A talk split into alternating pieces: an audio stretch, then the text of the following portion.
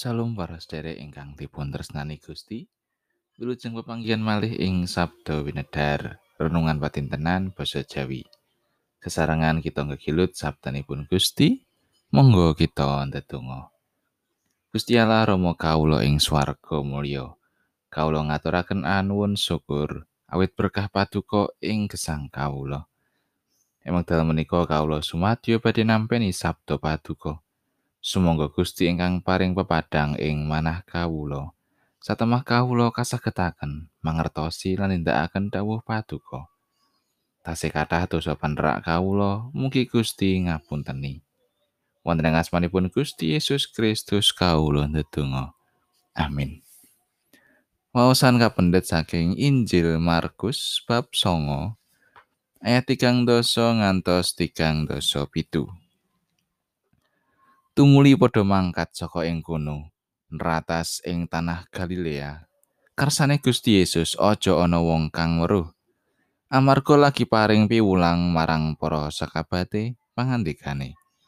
Putrane manungsa bakal kaulungake marang tangane wong bakal disedani nanging sawise disedani ing telung dinane bakal wunung maneh.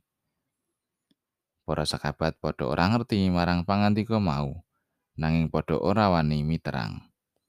Sawise mangkono banjur padha teka ing kutha Kapernaum. Bareng wis ana ing dalem, Gusti Yesus dangu marang para sakabate. Apa sing padha kok rembug ing dalan mau? Nanging kabeh padha meneng wae.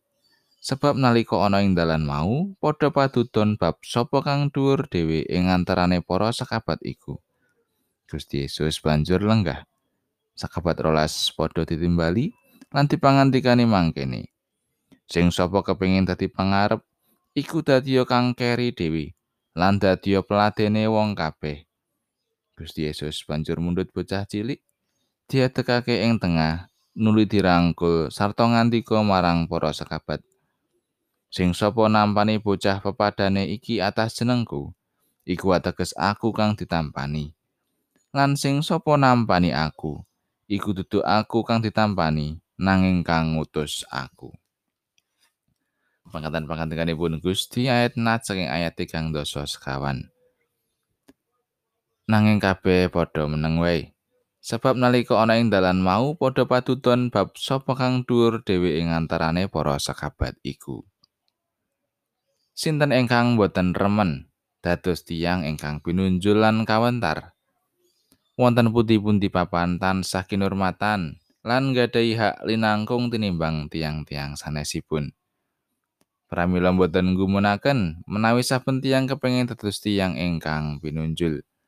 Menawi saged ingkang paling dhuwur piyambak pinunjulipun. Lajeng wonten persaingan, rebutan dhuwur.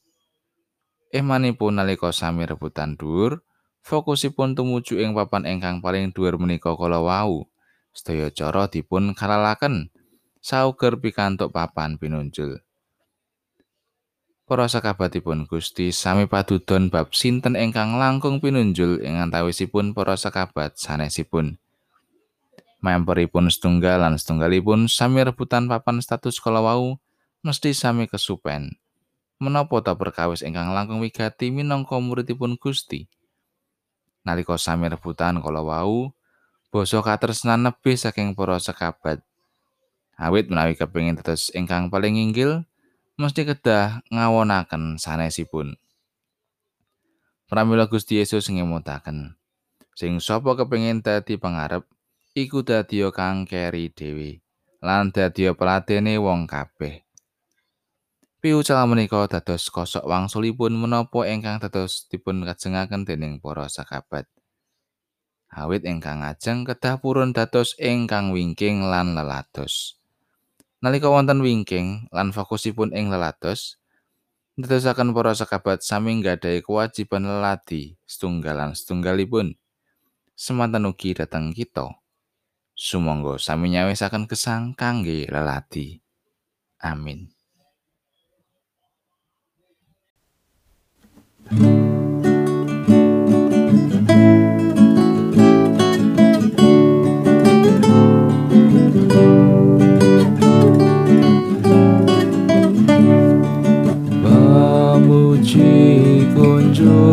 Gusti kang nitaken jagat raya siang kalaratri tan salu perseramatnya natyanto jagat sirno sinyo langgeng slaminyo